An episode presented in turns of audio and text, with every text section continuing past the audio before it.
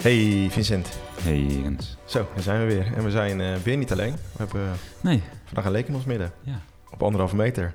Sascha, welkom. Dankjewel. Leuk dat je er bent. Jij uh, had een berichtje naar ons gestuurd en je wilde het graag hebben over een religieus onderwerp. Ja, klopt. Hoe komt dat? Um, nou, ik denk omdat ik godsdienstwetenschapper ben. Um, en ja, het leek me gewoon een hele interessante man om eens nader te bekijken. En je, je hebt dus uh, religiewetenschap gestudeerd? Klopt. Waarom ben je dat gaan studeren? Wil je die uh, voorganger worden, dominee, priester? Nee, ik heb ook helemaal geen religieuze opvoeding. Dus mijn ouders die schrokken zich rot. Die dachten, wat gebeurt er nou uh, met ons kind? nee, maar ik ben wel altijd bezig geweest met... Um, ja, wat motiveert mensen? Waar, hoe zien ze de wereld? En dat is toch vaak geloof. Zeker wereldwijd gezien. dus daar ja, kwam bij godsdienstwetenschappen uit... En uh, daarna heb ik de lerarenopleiding gedaan. En nu uh, geef ik les op een middelbare school hier Leuk, in de buurt. Ja. En is het, dan, is dan het afgelopen jaar nog extra interessant voor jou geweest? Want je leest nu dat uh, mensen een soort grip willen krijgen op de, op de hele pandemie. En dan duiken in allerlei spiritualiteit en ook religies. Is dat dan nog, zit je daar dan nog bovenop? Of, om de, al die trends te volgen? Nou, de afgelopen half jaar heb ik, ben ik druk bezig geweest met uh, mijn baby. Maar dat is je eigen spiritualiteit. Ja. nee, dus ik was met verlof. En daarvoor heb ik natuurlijk wel nog dat thuisonderwijs uh, met leerlingen oh, ja. meegemaakt. Dus dat was ook echt... Had, had ik niet veel tijd meer over om daarnaast nog uh, literatuur bij te houden of wat dan ook. Ja. Ja. Nou, een hele goede reden.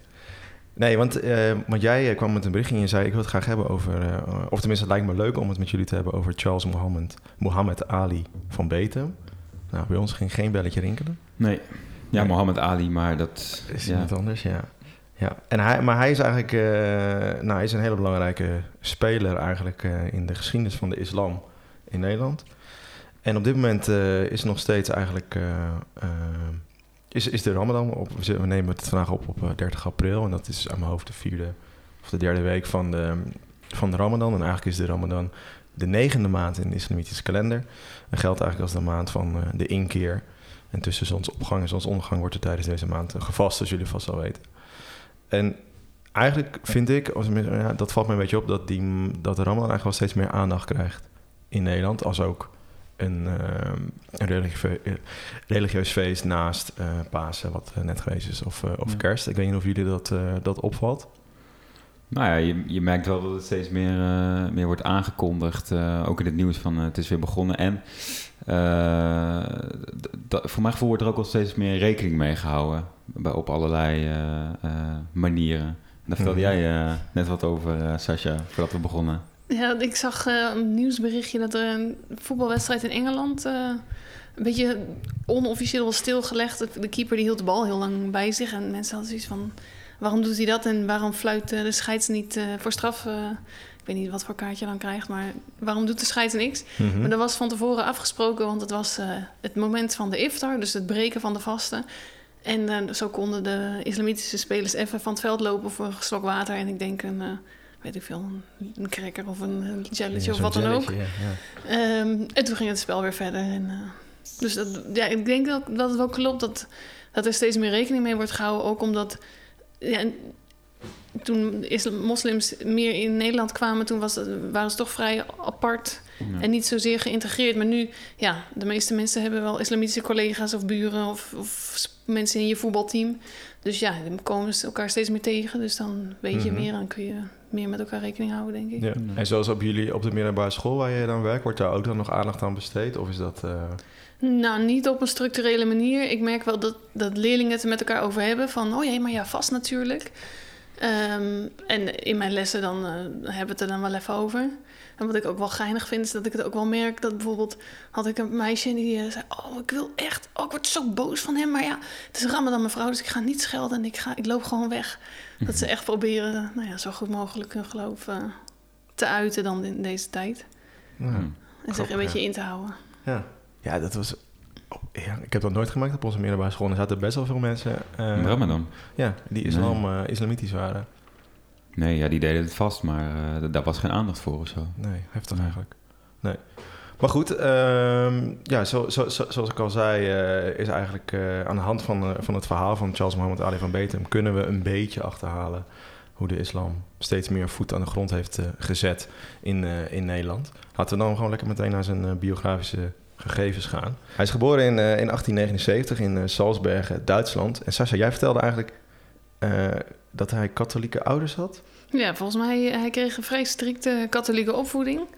En eh, zijn ouders wilden ook eigenlijk dat hij priester eh, zou worden, maar dat, uh, dat is, dus niet gelukt. Nee. Zeker niet. Nee, spoiler voor straks, daar komen we later bij.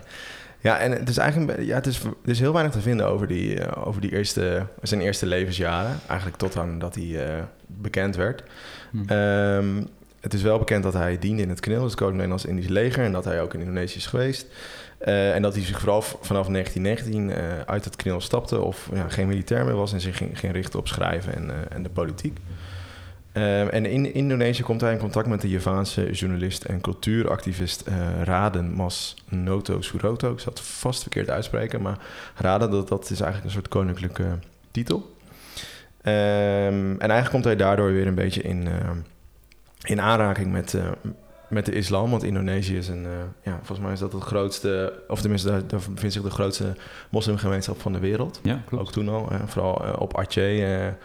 nou, is eigenlijk nog een soort, er is gewoon een oorlog tegen gevoerd om, om de islam daar te verslaan door de, door de Nederlanders rond 1900. Um, ehm, en zo komt hij dus eigenlijk een beetje in, um, in, in aanraking met, met de islam. En uiteindelijk laat hij zich dan ook in 1931 bekeren tot, tot de islam. En dat is best wel bijzonder, want het was uiteindelijk gewoon een witte Nederlander met uh, een katholieke achtergrond. En ook misschien wel een van de eerste Nederlanders die zich dat openbaar um, liet doen. En in het kort, waar we dan straks verder over gaan hebben, zijn belangrijkste daden waar we hem door kunnen herinneren, is uh, zijn werk voor, een, uh, voor een, ja, het oprichten van een moskee en een islamitische begraafplaats. Maar daar later meer over. En ik dacht, voordat we dan helemaal gaan induiken op, uh, op zijn leven nog verder en wat hij precies allemaal heeft gedaan, is denk ik ook goed om even te kijken dus naar die geschiedenis van de islam in Nederland. En op dit moment noemt 5% van alle volwassen Nederlanders zich, uh, zich moslim. Ik weet niet, wist niet hoe ik dat moest omschrijven. Sorry. Hoe bedoel je? Ja, wat moet je dan zeggen? Eh, op dit moment is 5% van alle Nederlanders zich moslim? Of weet je wat, is daar een goede... goede ja, die is islamitisch. Ja, ja, ja. En dat zijn cijfers van, uh, van 2020. En daar, daar, daartegenover is ongeveer 16% protestants in Nederland. En meer dan de helft van de Nederlanders zegt dat ze helemaal geen religie aanhangen. Ja, maar ten opzichte van die 16% vind ik 5% best veel. Ja. Wat dat betreft. Ja, en dat zie je dan ook dus eigenlijk uh, dat dus Nederland relatief weinig moslims kent. Maar dat het aantal wel de laatste jaren steeds is toegenomen. Want in 1990 was nog 3,1% van de, van, de volwassenen, van de volwassenen noemden zich moslim. In 2010 was dit al 4,5%. Ja, en nu is het dus bijna uh, 5%. En daartegenover staat dat de protestanten en de katholieken juist afnemen. Zoals in 2010 nog 27,3% katholiek. En vijf jaar later was dit nog maar 23,7%. Dus dat is gewoon klaar. Nou, niet. Dat is een, ja, een best grove uh, afname. En nu dus 16%. Ja. Toch? Uh, ja, dat zou best kunnen. Ja, dat, zei, dat zei je net. 16% is, uh, oh, ja, ja, sorry, is, is nu protestants. Ja. Dus dat, ik, dat is wel echt een hele forse afname. Ja, oh, maar ik heb het nu over katholieken, hè? Ja, oké. Okay. Maar goed. Uh, er zijn dus meer katholieken dan protestanten in Nederland. Ja. Oh. Ja, wij komen uit een enorme protestantse bubbel. Ja, dat, eh, dat blijkt maar weer. Ja. ja. dat is natuurlijk... De katholieken hebben ook een tijd zich ja, en die, die, moeten verschuilen in die zin. Dus die zijn heel lang minder zichtbaar geweest, denk ik. Ja. En die zijn misschien ook uh, nog wat kerkvaster, denk ik. Juist meer in de, in de rituelen dan, dan de protestanten. Ik heb bij protestanten het gevoel dat het meer een beetje alles of niets is, maar... Ja. Mm, nee, je hebt een hele grote groep, dat noemt zich cultuurkatholiek. Ja. Dus die wel waardeert de gemeenschap en een aantal van de rituelen en de feesten waardeert. Maar je moet ze dan niet op die letter gaan vragen wat ze precies wel niet geloven. Want dan uh, loopt het wel heel ver van Rome af, denk ik. nee, precies. Hadden jullie gisteren dat... Uh, weet je wat helemaal vergeten zijn? Nou. Historische week. Nou, let's get. Zal, zal, ik dat, ja, zal ik dat nog even gaan doen? Ja, doe het even. Ja, want dat, sorry, dat, uh, ja, dat kan gebeuren natuurlijk. Zo uh, enthousiast. Ja, ik, was, ik wilde ja, zo graag de, het onderwerp induiken. Maar uh, nee, nee ik, ik bedenk me opeens, nu dat je dit zegt over katholicisme... dat wel gisteren toch bleek dat ongeveer... hoeveel, hoeveel miljoenen had het uh, Vaticaan geïnvesteerd in farmaceutische bedrijven... die de anticonceptie ontwikkelden en zo. Oh. Dus was het echt 20 miljoen of zo. En uh, dat, hadden ze, dat wisten ze eigenlijk wel, maar dat is natuurlijk heel gek. Dan gaan ze tegen een beetje tegen hun, tegen hun eigen doctrine. Gewoon als belegging. Ja, als bele in, tegen in beleggen. Ja, ja. Goed, misschien doen dat, wij, doe ik dat ook wel, want ik ben nog steeds lid van de Rabobank. Ja, is dat beleggen dan, dat ik daar geld? Ja, op zich ook wel. Nou ja, ik ondersteun ze wel. Hangt een beetje af van hoeveel geld, hè? Ja, ik heb niet zoveel geld, maar uh, ja. Nee, dus dat, maar dat is niet mijn historische week. Dus eh, sorry. Maar ja, eh, nou, laat ik beginnen bij jou, Vincent. Hoe, was jouw historische week? Nou, leuk dat je het eh, toch nog even vraagt. Ehm, nou ja, eh, hoe was mijn historische week? Eh, het was natuurlijk eh, Koningsdag is het geweest. Ik weet niet wat, wat jij gedaan hebt. Ja, met jou geshow de boel. Ja, nou dat, dat dus. Dat was eigenlijk mijn, mijn enerverendste punt van deze hele week. Ben jij dan ging redelijk slecht. koningsgezind? Of koningsgezind bent? Ehm, nee, ik denk het eigenlijk niet zo. Ik heb niet gevlacht bijvoorbeeld. En met mij velen niet in de wijk dat ik zag. Ehm, dan heb ik wel heel sterk het gevoel om toch een vlag op te hangen. Ik denk, ik moet toch wel even eh, dan eh, een ander geluid laten horen. Ja. Maar eh, ja, ik heb geen vlaggenstok en ook niks om op te hangen. Ik heb wel een vlag, denk ik, ergens. Ja. Maar, eh, want jij zegt altijd wel, ik weet niet of ik dat mag delen met iedereen, maar jij wil het Koningshuis behouden. Ehm, nou, ik, ik zie denk ik op dit moment, ehm, weet ik niet zo goed wat dan, het, van dan een alternatief zou zijn of zo. Kijk, het hele principe dat iemand koning wordt omdat hij nou geboren is in een bepaalde familie is natuurlijk best raar. In vandaag de dag. Maar hou je dat dan in voor een soort Franse president of ja, op de geldkwestie hoef je het dan bijvoorbeeld al niet te gooien. eh, wat dat betreft, wat vaak wel gedaan wordt. En denk president dat- kost even geld. ja, Ja. of, en, of je nou iemand onderhoudt eh, die eigenlijk hetzelfde werk doet en of hij dan koninklijk is of niet, ja. ja, maar dan kies je er wel voor. Maar dan kies je er wel voor en dan krijg je misschien nog wel een iets competenter eh, iemand. Wat ik niks af, ja, ik wil niks afdoen aan de competentie van. eh, Is dat echt evenveel geld? maar- Oh, want heel die familie wordt onderhouden. hè? Die, die meiden gaan naar school. En, Ja, die gaan nou zelfs naar zijn een of andere kostschool in... eh, ja, hartstikke chic. ja. United World College. Dus Ja, ik vroeg me dan ook af van, wordt hij dan volgend jaar, wordt ze dan volgend jaar ingevlogen met een privévliegtuig voor Koningsdag? Sowieso. Zo, ja, toch? Ja.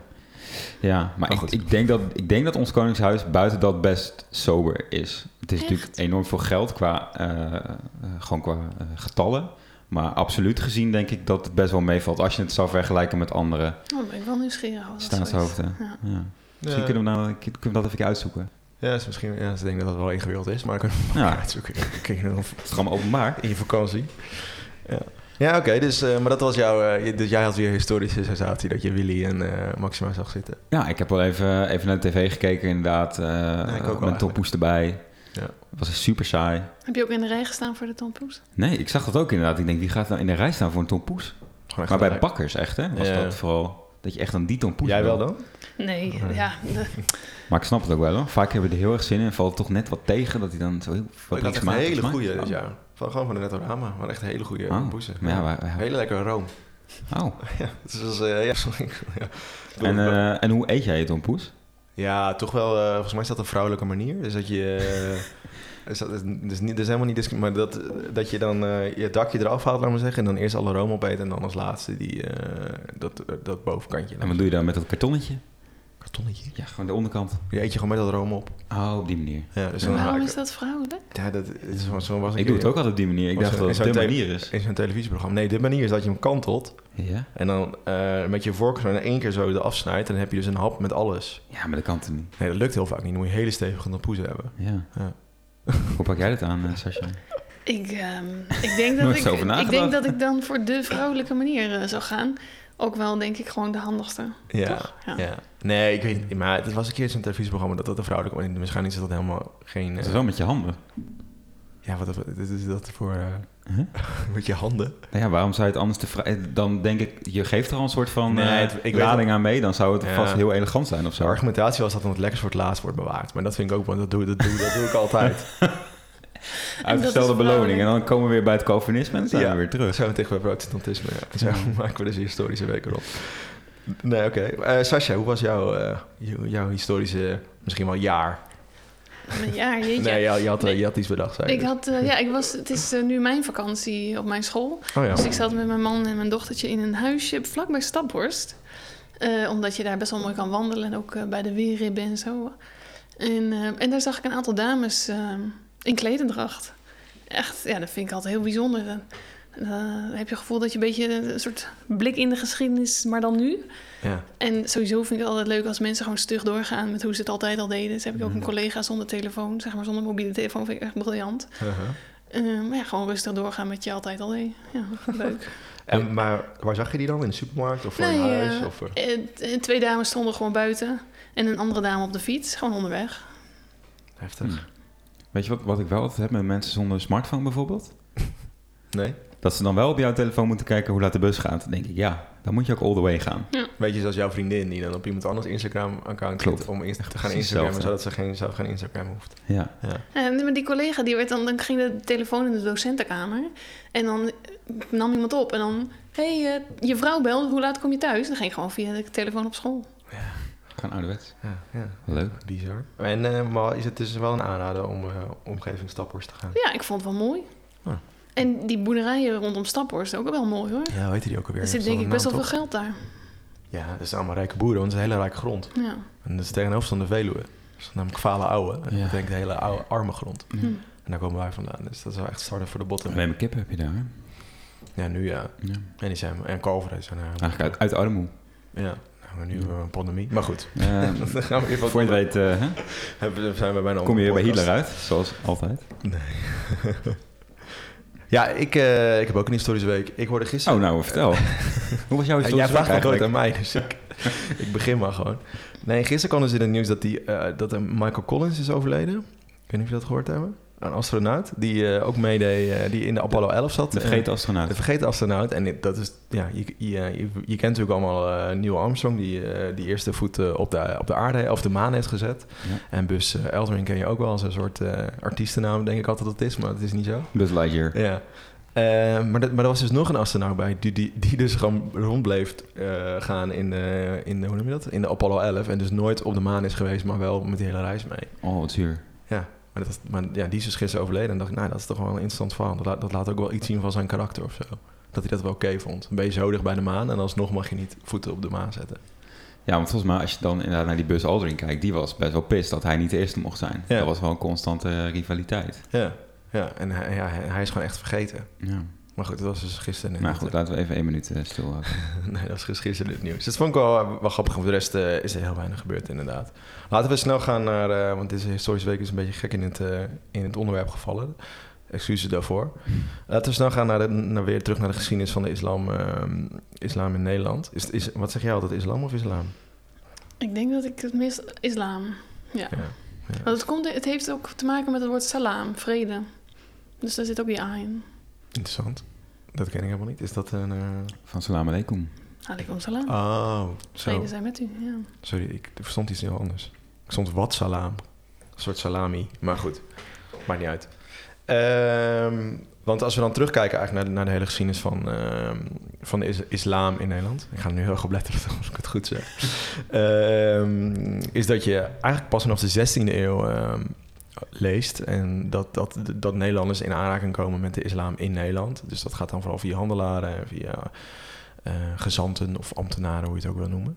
Ja. En dat is best wel laat eigenlijk, toch? Want wij, ik weet nog wel dat wij een keertje eh, het vak eh, Mohammed in heden en verleden hebben gevolgd tijdens onze bachelor. ja. Weet je dat nog? Ja, dat was, eh dat was wel negen uur. Dat kan ik me nog wel herinneren. Ja, dat was vrijdag om 9 uur toch? Ja. Ja, dat was altijd best leuk. Maar, dat was heel interessant, omdat we inderdaad daarvoor nog nooit zoveel daarover eh, over hadden gehoord. En dan moesten we ook al die eh, figuren moesten we leren. En, eh, ook, Alle ibens. Ja, alle ibens en eh aboes en eh, ga zo maar door. Ja, maar dat is even, als ik goed en corrigeer onze Sascha, als we het fout zeggen, maar ongeveer rond 800 na Christus is eigenlijk pas de islam echt ontstaan, toch?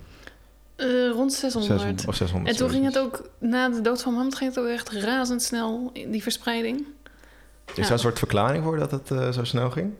Nou ja, ze waren, als leger waren ze best wel goed. Ja, En, en moslims zouden zeggen, ze waren natuurlijk gesteund door Allah. Ja, ja, ja. Ja, ja. klopt. klopt. En dan zie je eigenlijk dat het dus grofweg, grofweg 1200 jaar later, nee, zeg ik dat goed? Nee, 14, eh, 1000 jaar later, zo. Rekenen is ook niet mijn sterkste vak. Eh, pas, in, pas eigenlijk echt pas in, eh in aanraking kwam in Nederland. Dus dat, maar goed, dat, dat zie je ook bij die hele geschiedenis van de islam. Dat, dat eh, centreerde zich vooral rond, eh, eh, moet ik het even goed zeggen, Iran en Irak toch in eerste instantie. Ja, Saudi-Arabië. Ja, Saudi-Arabië en dan eh, Spanje was natuurlijk een, noor- het zuiden van Spanje Mhm. een lange tijd eh, bezet. Ja, Eh, maar dus Noord eigenlijk verder. En al die kruistochten rond duizend eh, Ja. vanuit Europa. Dat was natuurlijk ook allemaal de strijd met, eh, met de moslims. Maar wel- ik realiseer, me nu pas eigenlijk dat het dus echt ging om dat leger. Ja, dat dat zo... eh, dat dat het versneld heeft. Daar heb ik nooit zo bij stilgestaan. Hm. Ja, want Mohammed is ook wel uniek als soort van stichter van een godsdienst. Meestal zijn het een beetje, nou ja, ja, hoe zou ik dat nou zeggen? Toch figuren die aan de rand van de samenleving leven, heel op zichzelf en ascetisch. Ja. En Mohammed is wel uniek dat hij ook politiek leider en religieus leider en legerleider en zakenman. Hij staat echt midden in het leven, zeg maar. Oh, grappig. Dat wist ik helemaal niet. Heb je dat onthouden van het vak? Nee. Nee, dat hebben we helemaal niet, eh, dat hebben we toen helemaal niet gehad, denk ik. Ja, misschien wel gehad, maar eh, Vergeten, ja. vergeten. Ja, wel, wel als een soort... eh, ik kan me gewoon herinneren dat, dat die, dat die, tijdens die werd het altijd als een hele charismatische Ja. man omschreven, laten we zeggen. Maar goed, dat past natuurlijk ook wel een beetje aan wat Beetje hetzelfde beeld wat ik daarvoor bij Mozes had, zeg maar. Ja? Qua, ja. Oh, maar ik, dat had bij Mozes altijd dat hij dat een soort arme sloeber was. Oh, ja. Terwijl hij toch is opgevoed eh, in een Ja. Egyptische Ja. farao-huishouden. maar toen in zo'n mandje en zo. Ja, Ja. aan het begin was ja. Armoedig, koop gewoon een eh, Hoeveel kribben. Nee, nee, klopt. Ja, oh ja, ja daar heb ik nooit zo bij, ja, bij stilgestaan. Nou, wat grappig, interessant. Eh, maar laten we teruggaan weer naar de, naar de, naar, naar de islam. En ehm, eigenlijk dat duurt het echt heel lang voordat echt, echt het voet aan, voet aan de grond zet, eh, de islam in Nederland. En dat komt eigenlijk door de koloniale geschiedenis. Ehm, en eigenlijk door de, door de aanpassing van, die, van, van onze, eh, hoe zeg je dat? Onze bewindvoering in- op de koloniën. Ja. Ehm, want ze gingen eigenlijk eh, heel lang, ehm, heeft Nederland, Indonesië en alle andere koloniën als een soort indirecte, eh, gewoon indirect bestuur gevoerd. Eh, ze zochten allerlei vriendelijke, of tenminste bevriende sultanaten en koningen en lokale heersers uit, die ze, waar ze invloed op uit te oefenen. En zo zorgden dat het achterland een beetje in, ging doen wat, wat Nederland wilde. Ja. Maar eigenlijk gingen ze rond 1900 overstappen naar een soort ethische eh, politiek. En dan zie je ook dat dus die strijd wordt gevoerd op Atje tegen alle, alle islams. eh, tegen, de, tegen, alle, tegen de islam en tegen alle moslims op Atje. En dat ze juist ook eh, scholen gingen stichten waar Nederlands onderwijs werd gegeven. Omdat ze dachten uit een soort verlichtingsideaal ook van we moeten de mensen opvoeden. We moeten ze in de westerse. Nederlandse normen en waarden meegeven. En ook onderdeel van die politiek was dat er allerlei, eh, vooral wat rijkere lokale bewoners op, eh, op Indonesië naar Nederland gingen en daar onderwijs gingen volgen. Eh, en zo ook dus te maken kregen met, met het Nederlandse onderwijs en dan weer, of met goed, zeg je dat, met een goede rugzak weer terug konden gaan naar Indonesië en daar... Ja, maar dat was ook wel de voorwaarde. Hè? Dat ze, je mocht wel komen, maar je moest vooral ook wel weer teruggaan. om, om dat land een beetje te vernederen, lansen misschien, die manier. ja, ja, en ook dus te helpen. Hè? Dat is natuurlijk ook mooi. om Dat, dat is natuurlijk het Nederlands perspectief. Ja. Ja, Op en te bouwen. en ze kwamen ook meestal voor, geloof ik, geneeskunde of rechten. Ja. Dus heel toepassingsgerichte Ja. studies. Ja, ja, dat is wel interessant. Ja, dat klopt. Ja. Echt alleen maar rechten en eh, vooral rechten en, eh en geneeskunde. Ja, zodat we dat daar Ja. lekker konden doen. Dat zie je natuurlijk nog steeds bij eh, mensen met migratieachtergrond, de eerste generatie eh, Ja. universitaire studenten, die ook vooral dat soort, eh, dat soort studies doen. Ja, is dat echt... eh, oh. Accountancy ook. Ja. En Er is ook- nog geen luxe om eh, geschiedenis eh, te studeren. Nee, klopt wel. Ja, het was wel een redelijke witte opleiding. Ja. Ja, zo. Ja, klopt. Even binnen. Ja. Ja. Nee, daar heb ik nooit over nagedacht. Ja, wat interessant is, is dan dat, dat ze zich gaan verenigen. Want eh, als je in een ander land bent en je kent bijna niemand, dan wil je natuurlijk ook ergens eh, bij horen. En dat doen ze dan vaak onder islamitische eh, vlag of een soort islamitische vereniging, laten we zeggen, richten ze dan op. En zo wordt het iets bekender in, eh, in, in Nederland, het geloof. Omdat ze dat dan ook gaan uitvoeren en gaan bedrijven. En, en niet, dus niet alleen maar via handelaren dat kort zien, maar dat is ook structureel steeds meer aan, eh, aan bod komt. Maar ehm, ik vergeet nog even iets te zeggen eigenlijk, want we hadden het net al heel kort over die Aceh-oorlog. En Sascha, jij eh, zei tijdens ons voorgesprek ook nog dat je ehm, eh, dat, dat er eigenlijk ook wel een andere bekende Nederlander, of een bekende Nederlander, maar een groot Nederlander al eerder islamitisch was. En dat is Snoek Orgonje. En die naam ken ik ook wel.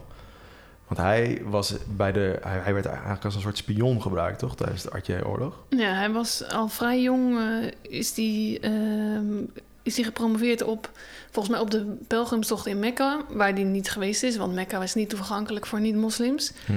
Ehm, maar dit is wel echt flink voor eh, onze hoofdpersoon. Volgens mij komt deze man, eh, is geboren in 1857. Ja, klopt. Ehm, maar dan gaat hij en hij wordt naar Mekka gestuurd. Eerst naar Jeddah en dan naar Mekka. En dan, dan doet hij alsof hij moslim is. En pas veel later komen mensen erachter dat dat eigenlijk maar een soort show een soort, eh, is om toegang te krijgen tot die plekken. En tot eh, alle stof die voor zijn eh, publicaties en onderzoek belangrijk is. Want Nederland was bang dat de moslims uit Indonesië, waar, waar de islam vrij gemoedelijk vorm had, Mhm. eh, dat zij tijdens hun pelgrimstocht naar Mekka zich zouden laten radicaliseren. En dat ze ook voor die Aceh-oorlog hun wapens via Mekka tot zich zouden kunnen, zeg maar, dat daar een soort smokkelroute lag. En hij is toen, eh, hij heeft toen de opdracht gekregen om dat te onderzoeken in het geniep en zich voor te doen eh, als moslim. En pas veel later zijn mensen de vraag gaan stellen van is, was dat wel oprecht, die bekering? Ja, ja. En eh, ik kan me nog wel nog herinneren dat hij dan op een gegeven moment ook een soort schijnhuwelijk heeft met een veel jonger, maar echt een minderjarig meisje. Ja, hij is twee keer getrouwd met lokale, echt tienermeisjes Ja. van eh, hooggeplaatste families daar in Indonesië.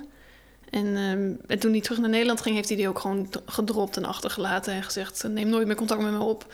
Ehm, ja, en hij zei dat, dat hij dan dat, dat, dat deed in de naam van de wetenschap. ja, Ja, het is een beetje een gekke... En was er nog een uitkomst van, het, eh, van eh, zijn eh, spionageonderzoek?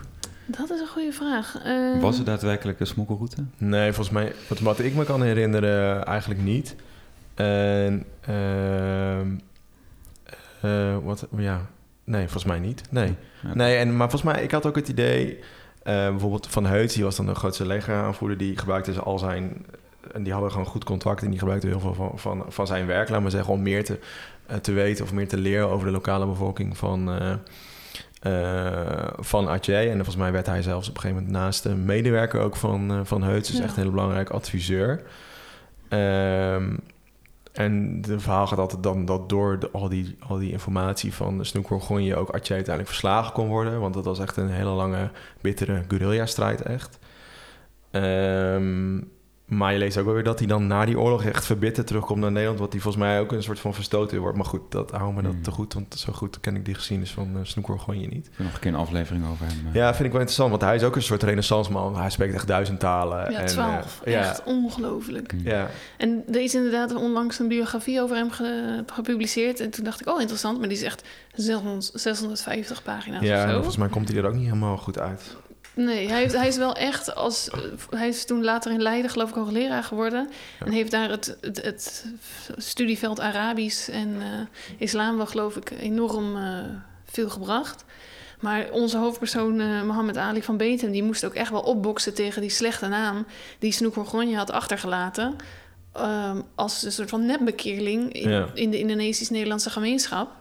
Ehm, en hij wilde telkens benadrukken dat hij toch niet... dat hij toch echt wel echt moslim was. Ja, ja. Ja, en dat het dan ook misschien dat verschil dan wel is, is dat uh, Snoek Gorgonje zich echt richtte, richtte op dan een soort verlicht moslimstaten richten in Indonesië. En Van Betem, dat wil dat echt in Nederland meer laten vestigen. Dus Snoek Gorgonje wil het nog een soort van strikt gescheiden houden. Van de Ja. islamitische wereld, die halen we niet binnen in Nee. Nederland. Want het kan ook alleen maar voor, eh, eh, ja, voor gedoe zorgen eigenlijk. En Van Betem zegt, nee, dan moeten we juist eh, ook organiseren, dat, die islam in, eh, in Nederland. Maar daar later eh, ehm, meer over. Ehm, zullen we lekker naar de quiz toe? Even wat ontspanning. Lijkt me beter, ja. Goed idee. Ja, Kan ik nog even lekker een hap van mijn koek nemen? ja, is goed. Laten we dat maar even doen.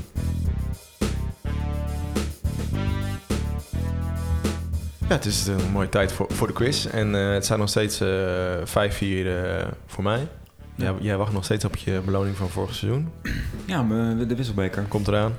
Ja, plannetje voor. Nou ja, echt benieuwd.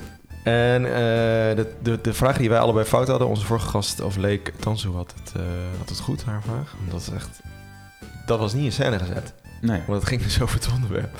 Eh, maar jouw vraag was in 1250 werd de kleinzoon van Genghis Khan leider van alle Mongolen. Hoe luidde zijn naam? Oh ja, meneer Kaan. Kublai Khan. Ik had nog nooit van hem gehoord. Jij? Ik heb zijn naam wel eens gehoord, maar dat is ook anders dan. Nee, ik ook niet. En eh, mijn vraag was welke brede politiemacht gestoken in een rode uniformjas werd in 1873 opgericht? De Mounties. Ook nog nooit van gehoord. In Canada, toch? Ja. ja. Mm. Maar dus, dat stond geen eens in de vraag volgens mij. Het ging echt welke brede Nee, politiemacht. toch niet.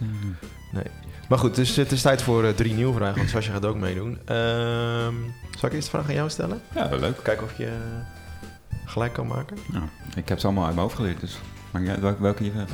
Ja, dat boek ligt natuurlijk bij jou thuis. Ja. Eh, nou, je weet hè, hoe eh, dichter, hoe verder in het boek, hoe dichter bij de tijd. Dus dat is makkelijker. Dus zeg maar stop. Stop. We zitten in 450 tot 999. Eh vraag tussen de 13 en 20. Eh 13. Geen eens 14 van jou al. Nee, ik ga voor 13. Oké. Hoe heette dit koninkrijk? Rechts. Gesticht door een Germaans volk dat zich over Noord-Italië verspreidde. Geleidelijk aan werd het geromantiseerd. Even opnieuw voor die hond op de achtergrond. Dat is de buren. Ja, denk ik. Ah. Hoe heet dit koninkrijk? En er staat dan een plaatje bij. Oh. Gesticht door een Germaans volk dat zich over Noord-Italië verspreidde. Geleidelijk aan werd het geromaniseerd. Ehm, zal ik het plaatje laten zien? Ja, laat me zien. Ik heb geen idee namelijk. Zie je het? Noord-Italië is het. Ja. Dat is inderdaad een plaatje van Noord-Italië. Bij de Alpen. Ehm, even kijken, dat zouden dan de... ehm,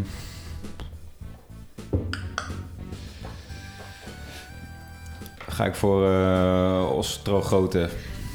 Is dat serieus een... eh, Ik ben heel nieuwsgierig. Nee, is fout. Ach. Wil jij het nog zien? Kijk of jij het weet. Het is vraag 13. Ik moet even dat boek... eh, Nee, geen idee. Nee, ik had, ook, ik, ik had ook echt geen belletje rinkelen als ik het Ja, hoor. ja. Nou, dat is weer een leuke vraag voor de socials. Ja. Heel benieuwd wat het is. Ik ga straks Ehm opzoeken. zullen we nu een vraag stellen aan Sascha? Dat is wel leuk. ja, dat is Een beetje eh, afwisseling. Zeg maar, eh, stop. Je weet, je hebt gehoord hoe het werkt. Ja, eh, stop. Nou, 1850 tot 1899. En, eh, Een hele korte periode Een opeens. hele korte periode, ja. Dat wordt natuurlijk steeds korter. Ehm, en dan kan je kiezen vraag 7 tot en met eh 11. Nou, doe maar acht. 8. Waar of niet waar? Nou, dan heb je al 50%.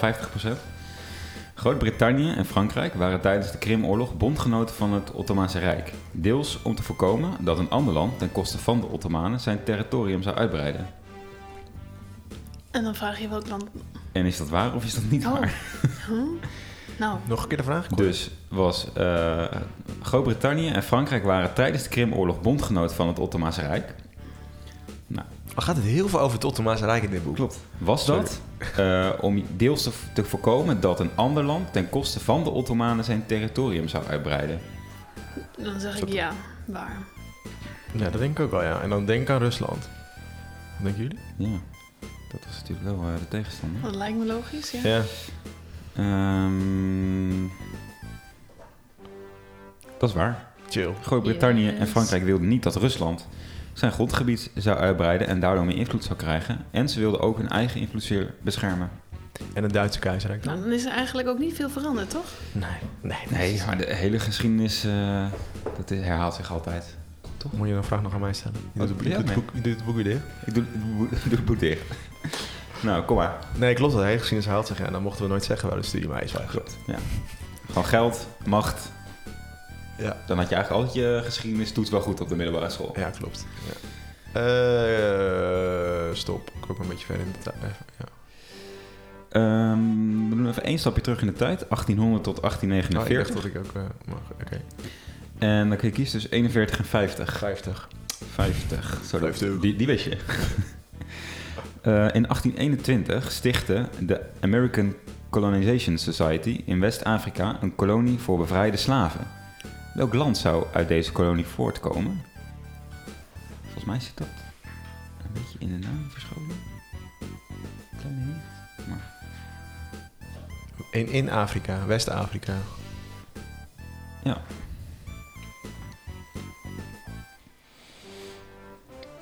Weet jij het? Ik, ik zou wel een gok eh, Ja, ik weet nu willen echt... wagen. Ik, eh, ik, ik weet het echt niet. Ik denk... eh, het, is, het zit in de naam van het land. Volgens mij wel, ja. ja. In West-Afrika. Ja. Goudkust. Is dat toch? Kust. Eh, geen idee. Denk het wel. Ja. Eh, eh, Nigeria? Nee, dat is eh, heel lang Frans geweest. Nee. Nee, dat is fout. Oké, nou dan uh, een vraag voor de socials. Ja. Nou, ben benieuwd. Of zullen we kijken wat jij zegt? Ik ben wel benieuwd wat jij zegt. Ik zou We denken hebben Li- natuurlijk al één vraag. Dus. Ja. Liberia. Oh ja. Ja, dat is goed. ja. Ja. Shit. Van de Liberated. eh Ja, van Blood Diamond die film. Liberia? Nee, weet ik niet, maar dat moet, dat, dat moet ik altijd aan denken. Oké, eh, nou. Dan, eh, jij had hem ook fout, dus dat is niks aan de hand eigenlijk. Ja, Voor mij, het gelukkig. Laten we... Is er een team van gasten? Nee, eigenlijk niet. Oh, dat is wel een leuk idee Dat is eigenlijk. wel een leuk idee, ja. Vaak hebben die het ook wel goed. Dat is altijd een beetje naar. en wij, dan net, dan, wij net die aflevering dan weer niet. We hebben nu ook al twee, drie afleveringen achter elkaar niks goed, Vincent. Ja. Dus even, Even bijspijkeren. Of ander boek kopen. Het is makkelijker. Oh ja. Alle makkelijke vragen hebben we gehad. Er staan soms ook wat discutabele dingen in. Ja, ja dat Maar- gewoon niet klopt. Ja. Maar goed, we houden het boek aan. Nee, het is geen team van gasten. Misschien is dat wel leuk om bij te houden. ja. We kunnen het even met eh, terugwerkende kracht eh, alle Ja. afleveringen terugluisteren. Misschien kunnen we daar een stagiair voor regelen. Ja, mocht je nog iemand eh, kennen. Kan ook onze, onze social media bijhouden. Maar ja, laten we teruggaan naar, naar Charlie van Betem. En vooral dus naar de eh, opkomst van, eh, van de islam in, eh, islam in Nederland. En ik zoals we, begon, we eindigden eigenlijk net met eh Snoek Orgonje. En daarvoor hadden we het nog over, over Indonesische studenten die in Nederland gingen studeren. En zich daar gingen verenigen, verenigen onder een islamitische... of bij een islamitische vereniging eigenlijk. Uh, maar eigenlijk als je ook een beetje leest... en dan bijvoorbeeld ook nu in het boek uh, Revolutie... dat uh, recent verschenen boek over de Indonesische onafhankelijkheid... waren die verenigingen eigenlijk niet zozeer gestoeld op het religieuze aspect... maar vooral uh, als een soort groeperingen om zelfbestuur in Indonesië te bereiken. Ja. En hadden ze niet zo, zozeer echt een... uh, waren ze echt bezig met, met, de, met de islambedrijven in Nederland. Maar tegelijkertijd dat die... hoogopgeleiden naar Nederland kwamen, waren er ook wat, nou dat wordt dan heel vaak omschreven als gewoon armere mensen. Dus bijvoorbeeld bediendes of zeelui uit Indonesië, die gingen ook in Nederland wonen. Uh, en die waren vaak ook islamitisch. En die gingen zich ook verenigen. Uh, maar dan wel echt vanuit het aspect van we willen juist die islam ook hier bedrijven en daarmee bezig zijn een structuur aan, um, aan, aanbrengen. Um, en daar ging eigenlijk Van Betem zich vooral uh, mee bemoeien. Dat is wel interessant, want je ziet gewoon dus dat die, dat die hoogopgeleiden zich gingen verenigen. En die waren zich vooral bezig dus met die, met die onafhankelijkheid in Indonesië. Uh, je ziet ook dat de belangrijkste spelers zoals Hatta... die, die uh, uiteindelijk de onafhankelijkheid ook voor, elkaar kreeg in Indonesië... ook dus in Nederland had gestudeerd. Dus dat werd hier allemaal... Zeg je dat? Dat bloeide, bloeide hier een beetje op. Ja. En dat had daar dan zijn, zijn uitwerking. Maar juist die andere, andere groep die naar Nederland kwam, de, wat, de wat, die dus geen onderwijs volgde, die gingen zich ook verenigen. En daar ging juist Van Betem zich mee uh, bemoeien. Of daar ja. zag hij zijn, zijn hel in. Maar mij is het een beetje onduidelijk, en ik weet ook niet of jullie daar antwoord op kunnen geven hoor, maar waarom hij daarvoor voor koos. Het is niet volgens mij zozeer dat hij op slechte voet stond met die andere Indonesische, of die, die verenigingen, laat maar zeggen. Als ik het zo... Maar ik denk dat omdat hij dus heel, heel erg geïnteresseerd was in de islam. En deze groep uh, wel meer zich islamitisch identificeerde. En deze groep had ook gewoon hulp nodig. Dus hij zag een nood. Ja. Want die kwamen mee met, met repatrierende rijke gezinnen. Mm -hmm. En die er was eigenlijk helemaal waren geen voorzieningen voor hun. Nee, er waren zelfs geen huizen. Nee, dus dan ineens belde iemand aan van... heb je nog voor mijn neef die daar op straat leeft zo'n beetje... kun jij iets regelen? En zo rolde die daarin. Ja, ja. Um, ja en die, in, die Indonesiërs die hier, uh, die hier studeerden... die hadden natuurlijk al wel dat platform... Uh, nou, wat je zelf ook zegt, van die, uh, die genootschappen die zij oprichten... daar konden ze wel een soort van hun, ook wel hun geloof in kwijt. En ja. Van Betem was misschien inderdaad meer begaan met... Uh, de wat armere mensen die dat niet hadden. Ja, plus dat die, dat die platformen eigenlijk helemaal niet bezig waren. Tenminste, dat lees je dan in de boeken. En er zullen vast wel, nee. zullen vast wel maar, maar dat was gewoon niet hun belangrijkste uh, punt. Dat was niet het punt waar Omar ze eigenlijk bij elkaar braken. Nee, Van Betem ging natuurlijk ook vooral om de islam uh, ja. zelf. En voor, voor zover ik gelezen heb, was hij niet heel begaan met de decolonisatie. Nee, zeker niet. Nee, nee, nee lees je dus, nee, nee, nee, klopt. Nee, nee.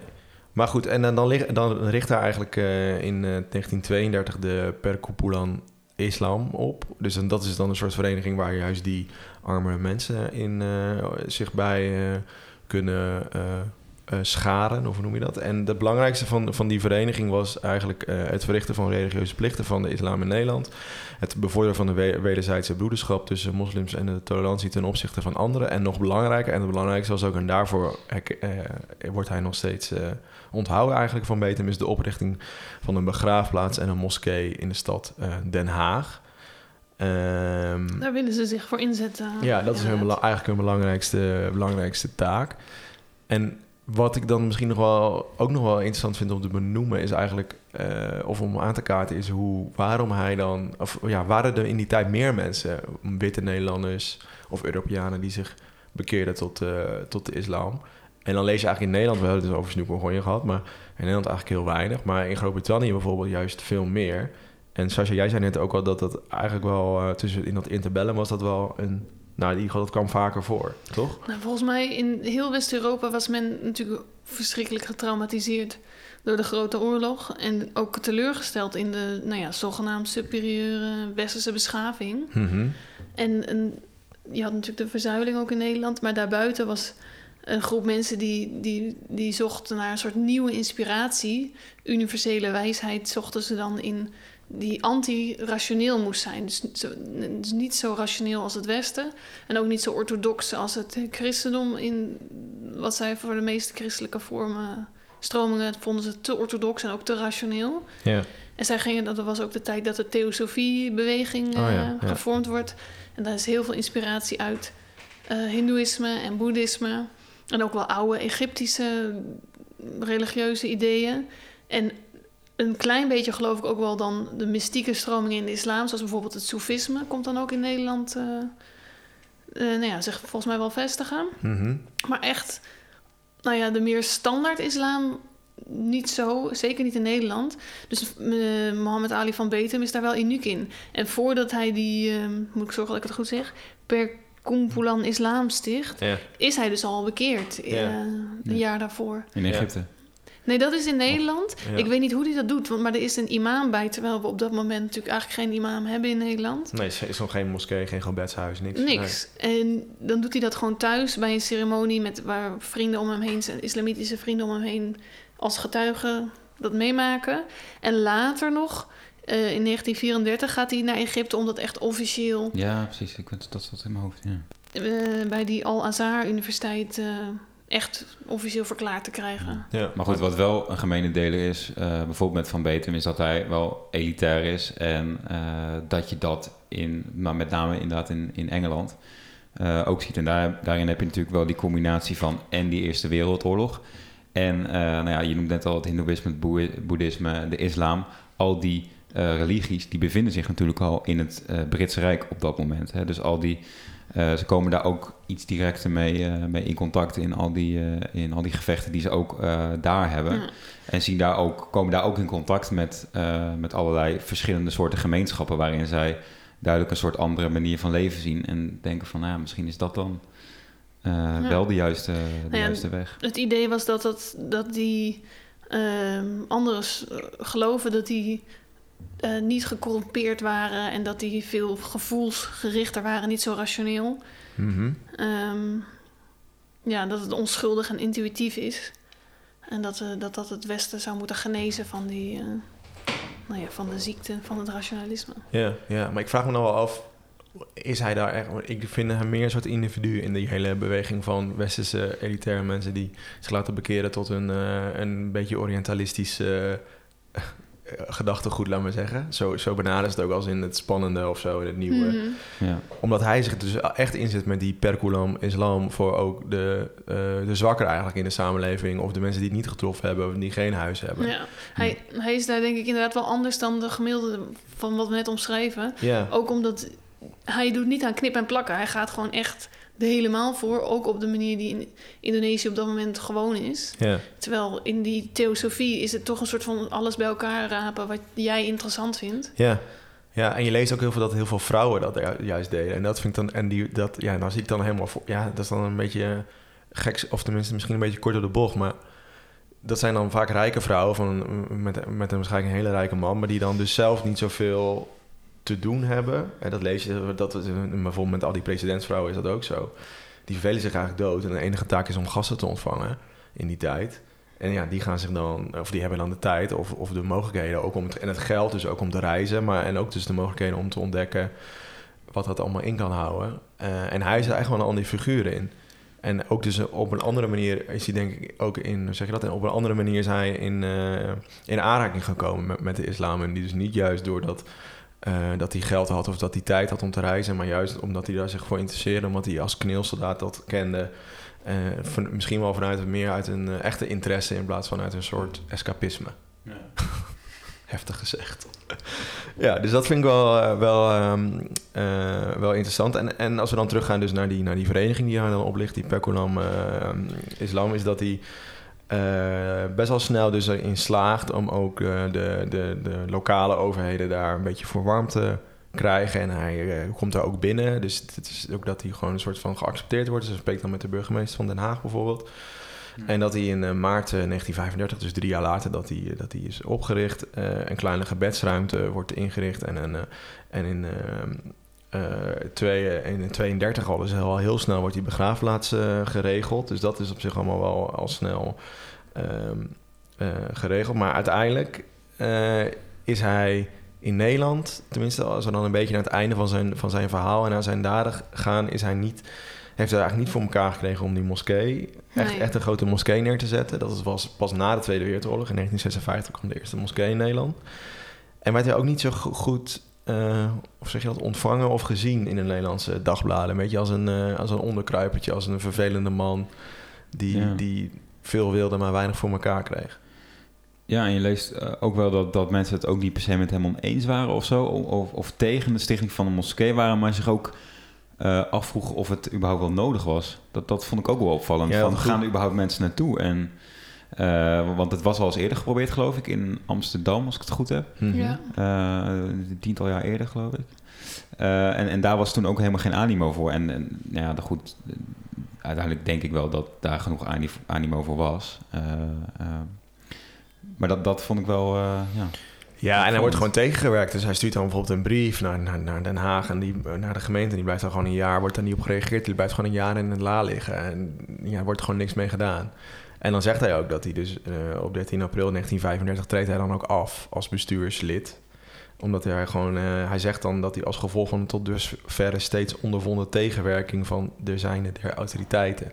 Dus hij wordt gewoon ook gewoon tegengewerkt. En dat is natuurlijk ook wel interessant. Misschien is dat nog wel steeds van... Ja, de, de, leuk dat mensen eh, islamitisch zijn, maar dat doen ze maar... eh, of in hun eigen huis, of dus eigenlijk waar ze vandaan komen, het liefst Indonesië. Ik weet niet. Nou ja, hij is dan heel erg teleurgesteld. Want hij is natuurlijk eigenlijk een legerman. Ja. En met, die, met zijn vereniging zweren ze ook trouw aan het Koningshuis in Nederland. Dus ze zijn ook helemaal niet antikoloniaal of zo. Nee. En zij zeggen, ja, wij weten gewoon wat onze rechten zijn... en wat hier kan in Nederland met scheiding kerk en staat. En wat een kerk mag, mogen wij in principe ook. Wij willen gewoon een gebedshuis. En, en het, ze, ja, ze krijgen gewoon geen enkel gehoor of medewerking. Want die, die soort van gebedskamer die ze dan zelf uiteindelijk ergens in een soort opvanghuis dan maar inrichten, dat is niet samen met de gemeente gedaan. Nee, Dus nee. vanuit de gemeente komt er eigenlijk weinig. En, nou ja, en ze hebben zoiets van, ja, die moslims moeten zeg maar koest houden. Terwijl Van Beten, die weet natuurlijk precies wat er allemaal mogelijk is in Nederland. Dus hij gaat zich daarvoor inzetten. Ja. Ja. Ja dus en wat ik ook bijzonder vond, ze zijn ook, net als veel andere organisaties van Indonesiërs in Nederland, eh, door de inlichtingen die is geschaduwd. Om te kijken of ze antikoloniale radicaliserend waren. Maar dat is niet. eh, in de jaren 30 wordt dan de conclusie getrokken dat ze niet illegaal of radicaal zijn. En Mohammed van Beten wordt specifiek nog genoemd als eh, stabiliserende factor in het bestuur. Nou ja, dat is als wit in Nederland. Ja, want hij, want hij inderdaad, wat jij, wat jij ook al zei, was, nou, was dus niet tegen de decolonisatie van Indonesië. Hij vond juist dat die banden op deze manier moesten. Nou ja, hij zei wel, de, de lokale bevolking moet veel meer eigen zeggenschap krijgen. Ja. Maar het hoort wel bij, de, bij het grotere koninkrijk der Nederlanden. ja, want wij kunnen ze alleen eh, leren hoe dat moet. Nou Ja, ja, dat, dat zegt hij niet hoor, maar dat vul ik dan zo in. Want dat was een beetje het standpunt ook in die tijd bij heel veel Mhm. hoge, hoge opgeleide mensen in Nederland. Ja. ja, en ik vind ook dus wel dat je dit... eh, ik vind het sowieso interessant dat het heel vaak in die kranten dan eh, niet islam wordt genoemd, maar Moha- Mohammedisme. Ja, een soort net als christendom, volger van Christus. Ja, ja. Ja. En, en, en, dat wo- en dus wordt gezegd eh, van het is helemaal niet eh, belangrijk, want er zijn maar zo weinig eh, moslims in Nederland. Ja, en dat we gewoon voorzichtig moeten zijn. Dus met die opkomende eh, spanningen in Indonesië, van, daar, moet, daar moeten we ons niet mee, eh, mee in de kaart laten spelen. Maar Van, van Betem zegt dan nee, je moet juist laten zien dat je ze goed gezind bent. Dat je als een soort teken van gastvrijheid hier een moskee voor ze maakt. Zodat als er mensen in Nederland zijn, dat ze ook kunnen bidden. Mhm. Ehm, dus ja, hij vond hun veel te verkrampt en angstvallig. Ja. Ja. Ja. Ja. En hij is dus gewoon tegengewerkt, het is gewoon niet gelukt. Ja, en ze waren natuurlijk ook wel een beetje wantrouwig, eh omdat hij dus een bekeerde eh, Mohammedaan was in hun ogen. Ja. Ehm, eh, ten opzichte van de mensen die, die dat ja, vanuit zichzelf, vanuit hun opvoeding al waren, ja, was dat natuurlijk wel een beetje, een, een beetje verdacht. En ook een soort angst voor dat moslims eh, uit waren op een soort bekering. eh, van, nou, van bijvoorbeeld christenen. Dat was ook juist iets wat door bekeerde westelingen veelal werd, werd gedaan. En helemaal niet door, door moslims zelf. Dus men zag het ook wel een beetje als haast meer een soort westerse beweging... dat het inherent vanuit de moslimgemeenschap zelf kwam. Ja, en dus die angst is volgens mij nog steeds herkenbaar, toch? Dat is ook wat Geert Wilders roept. Worden eh, een steeds islamitische land. eh, weet je, we mogen allemaal dingen niet meer zeggen. En dat is volgens mij een beetje kun je wel een parallel trekken met, eh, met dit verhaal uit de jaren 30. Waar het ook gewoon geschreven wordt. En dat is ook, ja, als we dan kijken naar... Er zijn echt best wel weinig is er over hem geschreven. Kon weinig Mhm. over hem vinden. En dat is één belangrijke bron die heel veel vertelt. Eigenlijk het hele verhaal. Eh, vanuit Leuven, geschreven door Umar Riyad, denk ik dat je zijn achternaam zegt. En die begint daar ook maar gewoon mee met, met die in, in zijn inleiding van het stuk over, over Geert Wilders en de angst eigenlijk die hij zaait voor moslims, dat dat steeds groter wordt. En dat, dat, dan zeg je, hij zegt ook van ja, als je dan kijkt naar Op Delver en naar die krantartikelen uit die tijd en wat er geschreven wordt over die Charles Mohammed Ali van Betem, is het gewoon één op één bijna. We zijn gewoon bang voor ze. En toen werd het heel erg, nog, heel erg gegooid op dat kolonialisme en het verlies van Indonesië, wat er misschien aan zit te komen, wat dan ook later gebeurt. Maar ja, het is nu eigenlijk het, dus het verlies van Nederland, wat Geert Wilders dan zegt. Dus Ja. het heet het angst eigenlijk. Ja. Ja. En eh, ik denk dat het tijd is om een beetje een einde aan te, aan, aan, aan te breien. Maar wat, wat wij niet echt terug konden vinden, en wat jij misschien ook niet weet, Sascha hoor, maar eh, hoe, hoe wordt er nu naar hem gekeken? Want ik zou, hij is echt helemaal in de vergetelheid Ja. geraakt. En het- Ja, niet echt, geloof ik. nee, En wat geen ik- standbeeld, naam, straatnaam, plakkaat. Nee, maar ook omdat hij natuurlijk uiteindelijk harde stenen is en heeft hij niks voor elkaar gekregen. Nee, klopt. Ja. Hij heeft natuurlijk wel heel veel betekend in die gemeenschap. En wat dat, er zijn, dat, wat dat betreft zijn er dan ook wel artikelen voor. En ik kan me voorstellen als je gaat kijken naar, dat, eh, naar die organisatie ehm, die ze hebben opgericht. Ja. In zijn, hun archieven zal veel- over hem zijn. Ehm, maar verder niet echt. En wat ik ook wel schrijnend vind, is het contrast. Hoe dat hij in Nederland zo niet serieus werd genomen. En dan internationaal Ja. werd hij eh, uitgenodigd om in Egypte te spreken voor allerlei parlementariërs en religieuze leiders en vertegenwoordigers van islamitische studentenverenigingen uit Europa, Azië, Amerika en Afrika. Overal gaan de deuren voor hem open. Iedereen wil hem hebben en in hun netwerk betrekken. En dan in Nederland krijgt hij de gemeente Den Haag niet eens om de tafel. Dat Nee. is toch absurd? Nee, nee, Ja. ja. dat is heel goed. Daar hebben we nog eens over gehad. En dat klopt. Ja, hij was een soort, eh, soort eh, ro- rolmodel, denk ik, voor heel veel we- westerse eh, islamieten in die tijd. En dus kwam die dus ook op heel veel plekken terecht. Ja, Ja. ja, ja. Nee, maar echt eh, actief herinnerd? Niet echt. Nee, nee, ik denk het ook niet. Ik kon ook weinig eh, daarover eh, over vinden. Dus dat is denk ik wel, wel jammer. En je ziet toch gewoon ja, in, dat er dan in 1956 de eerste moskee wordt geplaatst. En dat past natuurlijk dan helemaal in die trend van gastarbeiders die dan komen. Dat, dat is wel iets eerder hoor. Maar de echte, echte, zeg je dat? De echte groei of van, de- van, de, van de islam. In de Dat is pas vanaf de 60. jaren 60 en pas vanaf de jaren 70 door die gastarbeiders die uit Turkije en Marokko komen en dan zo hun geloof eh, meenemen en ook uitoefenen in, eh, in Nederland. Dus dat is pas Ja. echt, eh, echt recentere geschiedenis. En nu willen we er weer vanaf. Althans, Wilders. Ja, ik wou het zeggen. Ja. Wij niet. Nee, ik dacht Even voor duidelijkheid. Ja, ja, ik dacht misschien wil jij nog een eh statement. Op, opeens even een bommetje gooien. Ja. Ja. Ja. Nee, eh, ik denk dat, het, eh, dat, we, dat we rond zijn. Ja. Vond je het leuk, eh Sasje? Ja, zeker. Ja? Heb je nog een laatste... Hebben we nog iets, eh, moeten we nog, hebben we nog iets gemist? gezien. Nee, toch? Nee. Nee. Ja, vast, maar niet eh, Ja. dat het nu nog even op de drempel... eh, Nee, nee, natuurlijk. We hebben ook altijd gezegd dat er niet eh, historisch altijd helemaal eh, compleet zijn en correct. kan ook niet. Kan ook niet, nee, klopt. Maar eh, ja, eigenlijk voor jullie, als jullie denken van ik wil ook graag een keer iets vertellen over wat, iets wat mij interesseert, dan eh, stuur ons gewoon rustig een berichtje. Dan eh, Ja. word je gewoon uitgenodigd. Toch? Zeker doen. Ja, ja, leuk. Dankjewel eh, Vincent. Ja. Dankjewel Sascha. Ja, bedankt. Tot, eh, tot de volgende keer weer. Ja, dag. Doeg.